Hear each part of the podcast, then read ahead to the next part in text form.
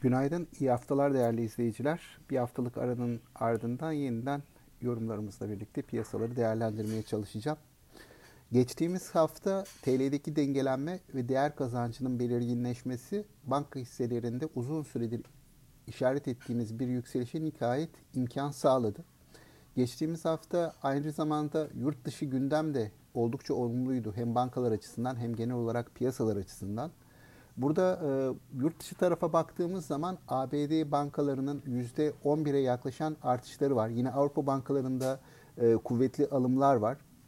Bizim bankacılık hisselerinde de ortalama olarak %23 kadar bir değer kazancı gözlemledik. Hatta bazı bankalarda piyasaya öncülük eden bazı bankalarda %27-28 e, gibi haftalık getiriler söz konusu oldu. Tabi TL'deki değer kazancı ile birlikte dolar bazında baktığınızda bu kazançlar çok daha yukarı seviyelere gelmiş oldu.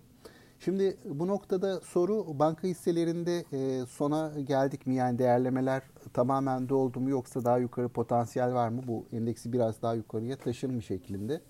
Geçtiğimiz e, değerlemelere baktığımızda özellikle 2018 yılı, Eylül 2018 sonrası TL'deki o dengelenme süreci, hani faiz artışları ile birlikte TL'nin e, bir süre değer kazanması ardından daha dengeli bir e, pozisyon izlemesi, daha dengeli bir seyir izlemesi 2019 yılının ortalarına kadar bankacılık hisselerine çok olumlu katkı sağlamıştı. Bu süreç boyunca banka hisselerinin sanayi hisselerine göre daha iyi performans gösterdiğini gözlemlemiştik.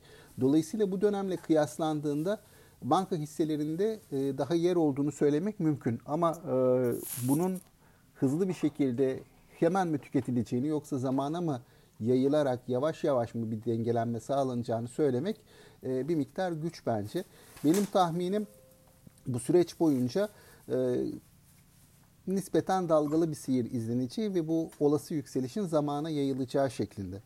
Bu haftanın e, genel gündemine bakacak olursak e, küresel piyasalarda iyimserliğin devam ettiğini görüyoruz. E, gerek Amerikan vadeli endeksleri gerekse Asya piyasaları bu haftaya artılarla başladılar. Dolayısıyla bunun bize olumlu katkısı olacaktır. Bunun haricinde yine bu hafta içerisinde Perşembe günü yapılacak Merkez Bankası Para Politikası Kurul toplantısı çok büyük önem taşıyor. Bu toplantı aynı zamanda yeni Merkez Bankası yönetiminin ilk e, para politikası kurul kararlarını piyasayla paylaşacağı, piyasaya e, bunları e, ileteceği bir toplantı olacak.